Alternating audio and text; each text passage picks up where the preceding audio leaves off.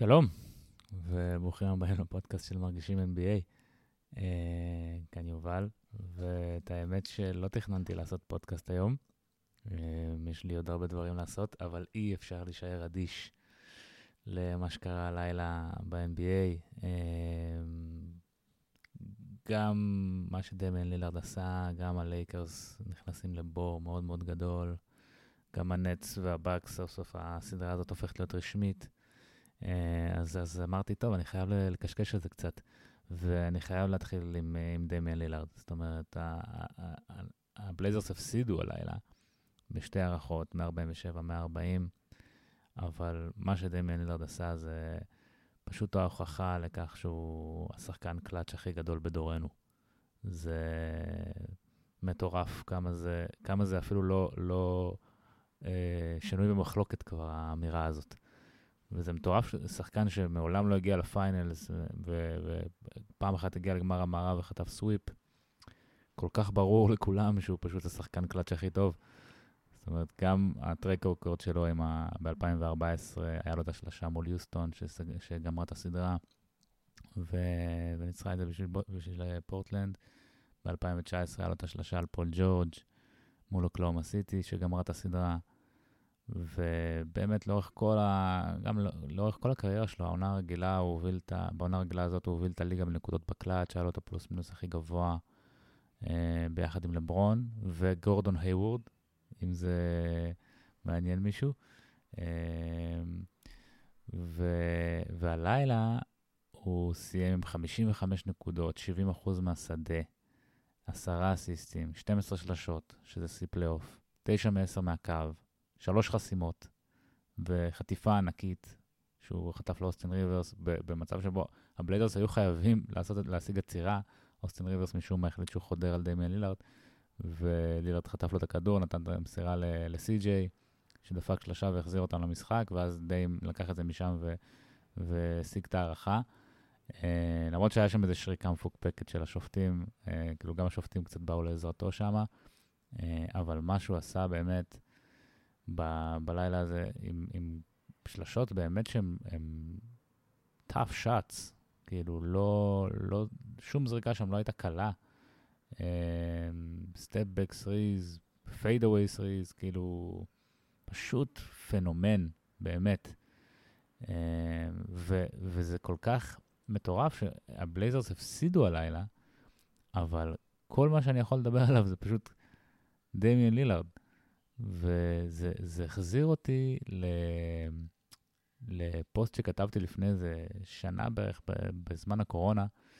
אה, הפוסט היה בכלל על דריימונד גרין, אה, ועל ה... דריימונד גרין בזמנו עשה, התראיין בפודקאסט של מאט בארנס וסטיבן ג'קסון, אה, ודיבר שם על זה שהוא וסטף קרי בעצם שינו את הכדורסל. וזה יצר, אתם יודעים, איזה cycle של שלושה ימים של אה, פושים וחפירות. אה, ואני ישבתי וחשבתי על זה, וכאילו הסכמתי ולא הסכמתי עם דריימונד, כי, כי בסופו של דבר מי ששינה את הכדורסל זה סטף. והאנרגיה ש, שיצרה את המפץ הגדול הזה בגולדן סטייט הייתה, הייתה, האנרגיה הראשונית הייתה של סטף. ודימיתי את סטף כאילו לסוס מרוצים. ו... והוא לא היחיד שהוא סוס מרוצים, זאת אומרת, יש עוד הרבה שחקנים בהיסטוריה של הליגה שהם היו סוסי מרוצים במובן הזה, שהיה להם אה, את היכולת להוביל קבוצה ל... לאליפות, או להיות הבסיס של קבוצה אלופה. ובאותה מידה אפשר להסתכל על, אה, על קווין דורנט, ולברון ג'יימס, וקוואי לנארד, וכל השחקנים האחרים שלקחו אליפות בהיסטוריה של הליגה.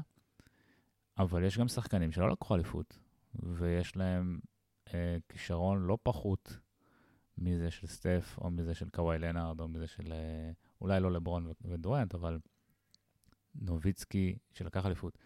אה, אלן אייברסון, קווין גרנט, פול פירס.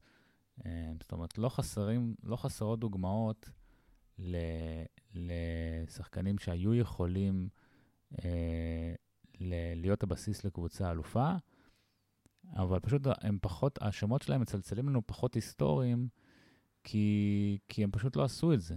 ורג'י מילר, ג'יימס הרדן לצורך העניין, ראסל ווסטברוק, ג'ייסון קיד, סטיב נש, שחקנים כאלה לא זכו, ב, לא זכו באליפות, לפחות לא בצורה שבה סטף זכה, או בצורה שבה לברון זכה, או דורנט זכה. והשאלה היא האם הם לא זכו באליפות כי הם פשוט לא מוכשרים כמוהם, או כי פשוט לא היה להם מסביב את המעטפת. את ה... אני דימיתי את זה בפוסט ל... ל... לרוכב. זאת אומרת, סטף הוא הסוס ודריימונד הוא הרוכב. ודריימונד הוא אחד הרוכבים הכי טובים אי פעם. הוא זה שלקח את הסוס, את האנרגיה הגולמית הזאת של סטף, ביחד כמובן עם המערכת של גולדן סטייט, אני כמובן מפשט פה. יש את המערכת של גולדן סטייט, סטיב קר, אה, קליי תומפסון כמובן לא דיברתי עליו. אה, ו... אבל אם אני מפשט את זה רגע, דריימונד הוא הרוכב אחד הטובים בכל הזמנים, הוא. בעצם רכב על, ה... על האנרגיה הגולמית של סטף, על הסוס מרוצים הזה, ורץ איתו לאחת הקבוצות הכי גדולות בהיסטוריה. ולילארד, אני מרגיש שהוא סוס מרוצים משובח. לא, לא ברמה של סטף, אבל לא רחוק מאוד מסטף. אה, ובטח בקלאץ', זאת אומרת, אם, היום ממש הרגשתי כאילו, כל פעם שהבלייזרס היו בפיגור שלוש, אמרתי, אה, בסדר, הם משווים עוד שנייה. כי, כי לילארד הוא פשוט כל כך טוב. ו... אבל הרוכב שלו אף פעם לא היה מספיק טוב. והשאלה היא האם אי פעם הכישרון מסביבו והרוכב מסביבו יהיו ברמה שהיה לסטף, ברמה שהיה ללברון, ברמה שהיה לדורנט בגולדן סטייט, אה, ברמה שהיה לקוואי בספיירס או, בטורונטו. אה, כי, כי פשוט להיות סוס מרוצים טוב זה לא מספיק. וזה חבל, אבל זה גם לא אומר שאנחנו לא צריכים להעריך את מה שאנחנו רואים. זאת אומרת, לילארד כנראה לא ייקח אליפות בגרסה הזאת שלו. אה, זאת אומרת, פורטלנד אין להם יותר מדי איפה להשתפר בשוליים, אלא אם כן הם עושים איזשהו trade מבריק על CJ ולא יודע מה, לא משהו שעולה לי לראש כרגע. אבל זה, אנחנו צריכים להעריך את מה שאנחנו רואים, כי הוא באמת באמת מיוחד, ועד כדי כך מיוחד שהייתי חייב לעשות על זה, לפתוח על זה את הפודקאסט ולדבר על זה. אה, אבל הם הפסידו, ודנבר עלתה ל-3-2, ויוקיץ' נתן, זה כאילו קצת אה, שם בצל את המשחק של יוקיץ' שהיה מדהים, עם 38 נקודות, 11 ריבאונדים, 9 אסיסטים, אה, ואסיסט מדהים, מדהים, למייקל פורטר ג'וניור דקה וחצי לסוף, שבעצם היה, בדיעבד היה הסל שגמר את המשחק. אה, זאת אומרת, יוקיץ' קיבל את הכדור ב post-up, הגיע double team, אירון גורדון יצא ל cut. זאת אומרת, קובינגטון, ברגע שבא ה double team, אז קובינגטון נשאר על שני שחקנים. נשאר גם על פורטר ג'וניור שהיה בפינה וגם על גורדון שהיה בחצי פינה. גורדון יצא לחיתוך לכיוון הסל. זה אפילו זה נראה שאפילו לא, הוא לא מתכנן לקבל את הכדור, זה הכל היה אה, אה, הסחה בשביל לגרום לקובינגטון אה, להתחייב אליו, ואז לתת ל, ל, ליוקיץ' את העוד שנייה הזאת בשביל לתת את המסירה ל, לפורטר, ופורטר דפק את השלושה הזאת, וזו באמת הזריקה הכי גדולה בקריירה שלו. ואתמול באמת דיברתי על זה, כתבתי על זה בחשבון טוויטר שלי, שהדור החדש כבר כאן. זאת אומרת. אה, השחקנים הצעירים אה, הם כבר פה, זה, בדקתי את זה ב-15 שנה האחרונות, זה הכי הרבה שחקנים מעל 20 נקודות אה, בממוצע, מתחת לגיל 25, ומייקל פורטר ג'וניור לא היה ברשימה הזאת, אם אני זוכר נכון. זאת אומרת, היה שם את ג'ה, את לוקה, את אה, טרי יאנג, את דווין בוקר, אה, דונובן מיטשל וג'ייסון טייטום, ועוד לא דיברנו בכלל על מייקל פורטר ג'וניור, לא דיברנו על ג'מאל מרי, לא דיברנו על זאיון וויליאמסון, דיאנדרה איטון נותן פלייאוף מדהים, ג'רן ג'קסון נראה לא רע, דיאנדרה הנטר נראה לא רע. זאת אומרת, יש פה בום של כישרון בליגה, אה, ש, שהוא פשוט עף לכל כיוון. והשלושה הזאת של מייקל פורטר ג'וניור היא, היא רגע גדול, הרגע הכי גדול בינתיים בקריירה שלו. אה, ו, וכיף לראות את דנבר, למרות שמרי נפצע, מונטי מוריס נתן שם הופעה בקלאץ' עם אה, זריקות עונשין. ובאמת, אה, כיף לראות אותם, אבל באמת זה, קשה לראות אותם ולא להתבאס. כי באמת כל כך חבל שמרי נפצע, כי, כי אחרת הם באמת היו הפייבוריטים לצאת מהמערב. עם איך שהמערב נראה, עם הקליפרס שלא סגורים על עצמם, ו, ופתאום מפסידים שני משחקים בחו, בבית, ואז מנצחים שני משחקים בחוץ, ואף פעם אתה לא יודע מה, מה יהיה עם הקבוצה הזאת. אה, וגם אני לא סומך על קוואי שיסחוב במשך אה, חודשיים רצוף. אה, הלייקרס, עוד שנייה נדבר עליהם, כנראה, כנראה בדרך החוצה. ואף קבוצה אחרת בעצם, פיניקס עם קבוצה טובה, אבל, אבל אין להם ניסיון. ודנבר, זה היה יכול להיות ההזדמנות שלהם, ו- ובאמת, כשאתה רואה את יוקיץ' משחק ברמה הזאת, ואתה רואה את פורטר ג'וניור פתאום מתחבר לו, ו- ו- ומייקל מלון גם עושה, הוא, הוא, הוא נהיה מאמן פלייאוף טוב. פתאום זה, זה כאילו צובט בלב כזה, אוי, למה מרי נפצע ולמה זה כזאת פציעה נוראית, שגם הוא יפסיד כמעט את כל העונה הבאה. אז זה נורא נורא חבל, אני מקווה מאוד ש... ש... שהוא יחזור ושהם יוכלו להמשיך מאיפה שהם עצרו, כי, כי הייתה תחושה ש... שהנה זה מתחבר, והנה יש פה קבוצה ש... אה, זה, זה קצת כמו, כמו זוגיות כזאת ש... ש... שממש מתחברת טוב, ואז אחד, ה... ואז אחד מהבני זוג פתאום טס לשנה, ל... לא יודע, לשליחות או לטיול, ו... והקסם הזה שהיה שם בהתחלה, כאילו, לא, אתה לא יודע אם הוא, אם הוא יישאר ל, לשנה הבאה. אה, אני נורא נורא מקווה שזה יקרה, כי דנבר באמת, יוקיץ' הוא שחקן מדהים בעיניי, אה, ו, ובכלל כל הקבוצה הזאת, איך שהיא משחקת, זה, זה אחת הקבוצות שהכי כיף, כיף לצפות בהן בליגה. אה, אז אני מקווה, מקווה, מקווה ש... מתפלל כמו שאוסטין ריברס התפלל הלילה אחרי ש... אה, דיימן לילארד החטיא שלושה, אז אני מתפלל ש, שדנבר, ומרי יחזור ו, ונראה את דנבר אה, לא רק אה, עוברת סיבוב, כמו שזה, יכול להיות שזה יקרה עכשיו, אלא שנראה אותם באמת הולכים עד הסוף. והם באמת קבוצת הפלייאוף הכי מטורפת שיש. זאת אומרת, הם ב-2019, גם בסיבוב הראשון וגם בסיבוב השני, שבעה משחקים. שנה שעברה, שבעה משחקים מול יוטה, קאמבק מ-3-1, שבעה משחקים מול הקליפרס, קאמבק מ-3-1. הסדרה מול הלייקרס הייתה סדרה טובה, זאת אומרת, אה, להזכירכם, הלייקרס היו, הובילו 2-1, ו-AD היה צריך לקלוע שלשה על ה buzzer בשביל אה, אה, להבטיח את הניצחון, אה, או שזה היה משחק 2, אני כבר לא זוכר. ו... ו... ועכשיו יש את הסדרה הזאתי. זאת אומרת, דנבר היא קבוצה שאיכשהו משהו, כאילו, לא, הם לא מסוגלים לא לשחק סדרת פלייאוף מטורפת. Uh, ואני מקווה, מקווה, מקווה שוב ש, שמרי יחזור בריא, uh, יחסית, ו, ונראה את הקבוצה הזאת היא ממשיכה מאיפה שהיא עצרה, או לפחות ממשיכה באותו כיוון. כי להמשיך מאיפה שהיא תעצור, מאיפה שהיא עצרה זה בטוח לא יקרה, אבל יכול להיות שהיא תמשיך ממקום אחר, כי מייקל פורטר ג'וניור מקבל עוד ניסיון. ואירון גורדון ישתלב קצת יותר עם הקבוצה עד אז. אמ, זהו, הלוואי. נדבר קצת על, אה, על הלייקרס, שהפסידו הלילה אה, לסאנס במשחק של מהרבע השני כבר היה ברור ש, שהוא גמור. זאת אומרת, הם הפסידו ב-30 הפרש בסופו של דבר, 115-85. אה, ובפיגור 3-2, AD פצוע, לא שיחק, KCP כן שיחק, אמ, אבל בלי דייוויס פשוט פיניקס קבוצה טובה יותר. אין, אין, אין מה לעשות. כאילו, ז, זאת האמת. אמ, והלילה פשוט ראינו את זה. אמ, ולא רק שפיניקס הייתה טובה יותר, גם הלייקרס היו ביום לא טוב, לברון היה ביום לא טוב. דיברתי על זה בפודקאסט הקודם, שהמספרים שלו הם, הם הכי נמוכים שהם היו בפלייאוף מבחינתו אי פעם, כמובן 95% מהשחקנים בליגה היו קונים את הסטטיסטיקות שלו, אבל אה, גם עכשיו, אבל, אבל מבחינתו זה, זה, הפלייאוף, זה בינתיים המספרים הכי חלשים.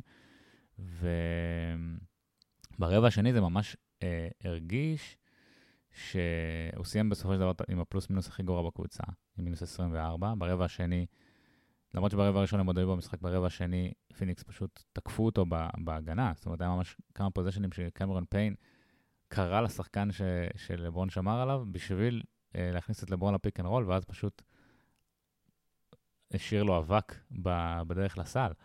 אה, ו- ו- ועשה מין אה, כזה תנועות עם הראש כזה שהוא לא יכול לשמור עליי בדרך להגנה. אה, לא משהו שאני זוכר הרבה שקורה, שקרה בהיסטוריה של לברון. בצד השני, אה, אייטון שמר, כאילו כשהוא קיבל אותו בצבע, שמר עליו ממש יפה. אה, גם טורי קרג שמר עליו בכמה פוזיישנים ממש יפה. אה, זאת אומרת, לברון, זה, זה מרגיש קצת, אני מאוד מאוד זהיר, כי, כי זה, זה עוד רחוק, כן? אבל זה מרגיש שאנחנו הכי קרובים לסוף שהיינו. זאת אומרת, אנחנו עדיין רחוקים מהסוף של לברון, כי אני חושב שיש לו עוד המון המון מה לתת, ובאמת הוא עדיין, אה, בהרבה מאוד מובנים, השחקן הכי טוב בליגה. אבל אנחנו כנראה הכי קרובים לסוף שהיינו. אה, זה, זה קצת מזכיר לי, אה, במונחי פוליטיקה, אה, ש, שהיה את ההצבעה על הוועדה המסדרת, אני חושב, לפני איזה חודשיים, ו, ו, וביבי, ו, והליכוד הפסיד בהצבעה הזאת, וזה כאילו היה סימן שמשהו משתנה. זה עדיין לא אמר שיהיה ממשלה במקום, זה עדיין לא אמר שיהיה... אה, ש, ש, שביבי ירד מהשלטון, אבל זה כאילו היה תחילת הסוף. וזה זה היה עוד הרבה דברים היו צריכים לקרות בדרך בשביל שממשלת השינוי הזאת uh, תקום, אם היא תקום בכלל, אבל זה היה הרגע שבו uh, uh, the tide is turned, ו, ואפשר היה להתחיל להרגיש, אוקיי, יש פה איזשהו תסריט שבו הסוף מתקרב. ואני חושב שעכשיו אצל לברון יש מין תסריט כזה. זאת אומרת, זה דבר ראשון, נתון מטורף. זאת פעם ראשונה של לברון בפלייאוף, והוא נמצא על סף הפסד. אמ, אם הוא יפסיד, זו תהיה הפעם הראשונה שהוא יפסיד בפלייאוף, לא ב finals, מאז 2010. Think about it. אה, כאילו הוא היה שמונה שנים ב finals, מ-2011 עד 2018, 2019 אה, פספס את הפלייאוף, ו-2020 זכה שהוא באליפות. זאת אומרת, כל פעם שהוא היה בפלייאוף, בעשור האחרון, אה, כשהוא לא היה פצוע, אז אה, כשהוא לא פספס את הפלייאוף בגלל פציעה, אני מתכוון, אז, אז הוא הגיע לפיינלס. וכל פעם שהוא הפסיד גם, זה תמיד היה באיזשהו אה, מאמץ עילאי, זאת אומרת, אה, או, ש, או שזה דרש מהקבוצה השנייה להיות אה, היסטורית. זאת אומרת, חוץ מ-2011, ש, שאני שם את זה בצד, וזה תמיד יהיה הכתם שילווה את לברון בקריירה שלו, ו, וכתבתי על זה הרבה ודיברתי על זה הרבה, אבל אני שם את זה רגע בצד, כי אחרי זה הוא, הוא מן הסתם... אה, גאל את עצמו ו- ועשה עוד המון המון המון דברים בקריירה שלו ש- שהלבינו קצת את הכתם הזה. אה, אבל ב-2014 הוא הפסיד לספיירס, שהייתה קבוצה שפשוט התחברה בצורה מדהימה, והייתה קבוצה היסטורית ששינתה באמת את הדרך שבה אנחנו חושבים על כדורסל. זאת אומרת, כל מה שאני חושב על כדורסל יפה עכשיו, עולה לי, עולה לי התמונה של, ה- של הספיירס ב-2014. אה, ב-2015, בלי קיירי ובלי קווין לאב, הוא היה פנומנלי בגמר מול, מול, מול הווריורס, וזה היה הכי קרוב מאז ג'רי ווסט, ששחקן מהקבוצה המפסידה יזכה ב finals MVP. ב-2016 מן הסתם הוא זכה, ב-2017, 2018 הם הפסידו, אבל זה היה, ב, כאילו, אי אפשר היה לבוא בטענות כלפי לברון בהפסדים האלה. זאת אומרת, הווריורס הם היו קבוצה פשוט הרבה הרבה יותר טובה, בטח ב-2018. ו... ב-2019 מן הסתם לא היה, וב-2020 הוא לקח אליפות. והעונה, הם, כרגע זה נראה שאם דייוויס לא הולך לשחק במשחק 6, הם, כרגע לא ברור מה הולך להיות שם, אה, אז, אז דבר ראשון, לא הייתי פוסל את הלייקרס, כי זה משחק, אה, זה בסטייפל סנטר, דייווין בוקר הרבה פחות טוב בחוץ מבבית.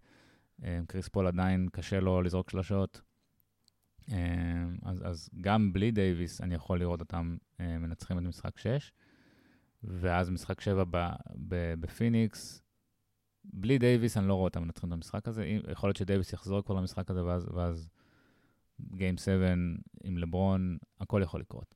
אמ, אבל, אבל זה, זאת הפעם הראשונה בעצם ש, שהם, לברון נמצא על סף הפסד, לא בפיינלס, מאז 2010.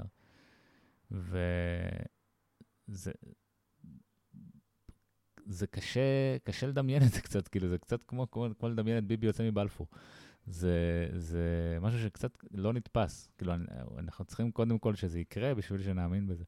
אה, ואני חושב שזו מכה מאוד מאוד גדולה, אם זה יקרה, זאת תהיה מכה מאוד מאוד גדולה אה, תדמיתית גם ללברון. עכשיו בטח שספייס ג'ם הולך לצאת והכל. אה, אבל אני חושב שאם אנחנו projecting forward ומסתכלים קדימה, אז אני לא רואה את, את הלייקרס משתפרים ב, בשנים הקרובות. זאת אומרת, דייוויס יישאר דייוויס, לברון כנראה לא יהיה יותר טוב ממה שהוא היה, אמ, כי הוא בכל זאת מתבגר, ואחת השאלות הגדולות לפני, לפני תחילת העונה, כתבתי פוסט, עם שש שאלות שהכי מעניינות והכי משפיעות בעצם על התואר, ואחת השאלות הייתה האם לברון ג'יימס הוא אנושי. כי הוא כבר ב minutes load הכי גדול אי פעם, והוא אה, כאילו איזשהו outlier. השחקן, חוץ ממלו ויודונוס הסלם, אין שחקן שנמצא יותר זמן בליגה מלברון, שזה די אבסורד. אה, שהוא עדיין אחד השחקנים הכי טובים בליגה, אבל הוא גם השחקן הכי ותיק בליגה. די בפער מכל שחקן אחר. אה,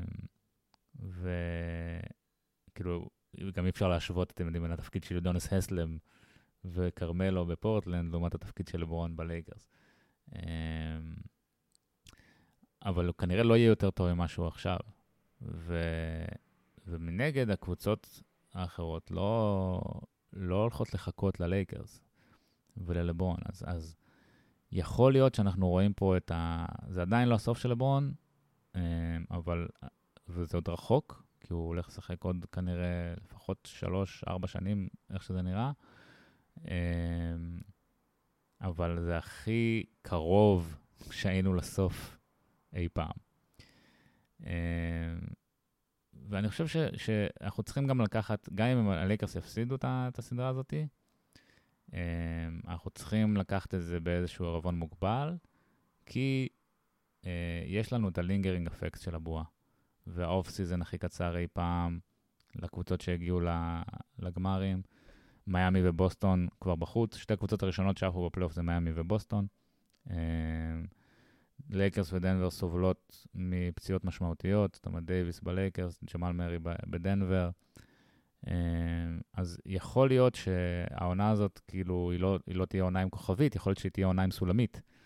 אמ, כי יכול להיות שה off season הקצר הזה בעצם דפק את, ה... את איך שהעונה הזאת הייתה מתנהלת אם, אם, לא היה כל כך, אם זה לא היה כל כך קצר ו... ולא היה את הפציעות האלה. אז, אז העונה הבאה תהיה כנראה העונה, תהיה, מה זה כנראה? תהיה העונה הרגילה הראשונה בשנתיים, ב, כאילו מ-2019. אה, ואז יהיה אפשר יותר אה, לבחון את, ה, את, ה, את התיאוריה הזאת, אבל, אה, אבל בכל מקרה זה, זה, זה, זה הכי קרוב, ש, שאני מרגיש לפחות שזה הכי קרוב שאנחנו נמצאים לסוף של, של לברון, אבל זה עדיין מאוד מאוד מאוד רחוק, ו- ו- וגם אם הם יפסידו לפיניקס בסדרה הזאת, לא יפתיע אותי אם בעונה הבאה הם יחזרו ויהיו עדיין הקבוצה הכי דומיננטית בליגה, אמ, כי דייוויס הוא פשוט שחקן ממש ממש ממש ממש ממש ממש טוב. אמ, זהו, בקס נטס, אה, הלילה הפך לרשמי, ואני לא רוצה לדבר על זה עדיין, אני רוצה לכתוב על זה, ואני אכתוב על זה כנראה בסוף שבוע, אה, לפני שהסדרה תתחיל, והלוואי, זאת הולכת להיות, כאילו, אני, אני פשוט נורא נלהב לגבי הסדרה הזאת, כי זאת סדרת דו-קרב במשקל כבד, אה, סטייל, אה, הדבר היחיד שאני חושב עליו, כאילו, בסדר גודל הזה, זה ספרס, אוקלהומה סיטי ב-2016, שזה היה חצי גמר. או קליפרס ספרס ב-2015, שזה היה בסיבוב הראשון, זאת אומרת, סדרות, כאילו בדרך כלל סדרות כאלה לא מגיעות בחצי הגמר האזורי, בין קבוצה, אה, בין שתי קבוצות כל כך חזקות. שגם הם שני נרטיבים כל כך compelling משני הצדדים, זאת אומרת, הקבוצה שהיא קונטנדרית אינסטנט מול הקבוצה שמתבשלת להרבה הרבה הרבה מאוד זמן. עם שני סופרסטארים באמת ענקיים, שנפגשים פעם ראשונה בפלייאוף, אה, גם דורנט, גם הרדן בצד אחד, גם קיירי, לעומת יאניס בצד השני, ג'רו הולידיי ש... אה, הופך ל... מקבל את הרקוגנישן שהוא, צ... שהוא ראוי לו בפלייאוף הזה, אני חושב, אה, והופך להיות שחקן, לא אגיד סופרסטאר, אבל, אבל כוכב אמיתי. אמ, וקריס מידלטון, שזה יהיה מבחן מאוד מאוד גדול, כי אני חושב שיאניס אה, הוא קצת, אה, הוא, הוא השחקן, יכול להיות השחקן הכי טוב בקונטנדרית, אבל בצורה מאוד מאוד אה, לא מסורתית. ג'רו הולידי, אני חושב שהוא overqualified להיות השחקן השלישי הכי טוב בקונטנדרית, ומידלטון, אני חושב שהוא לא ברור אם הוא יכול להיות השחקן השני הכי טוב בקונטנדרית.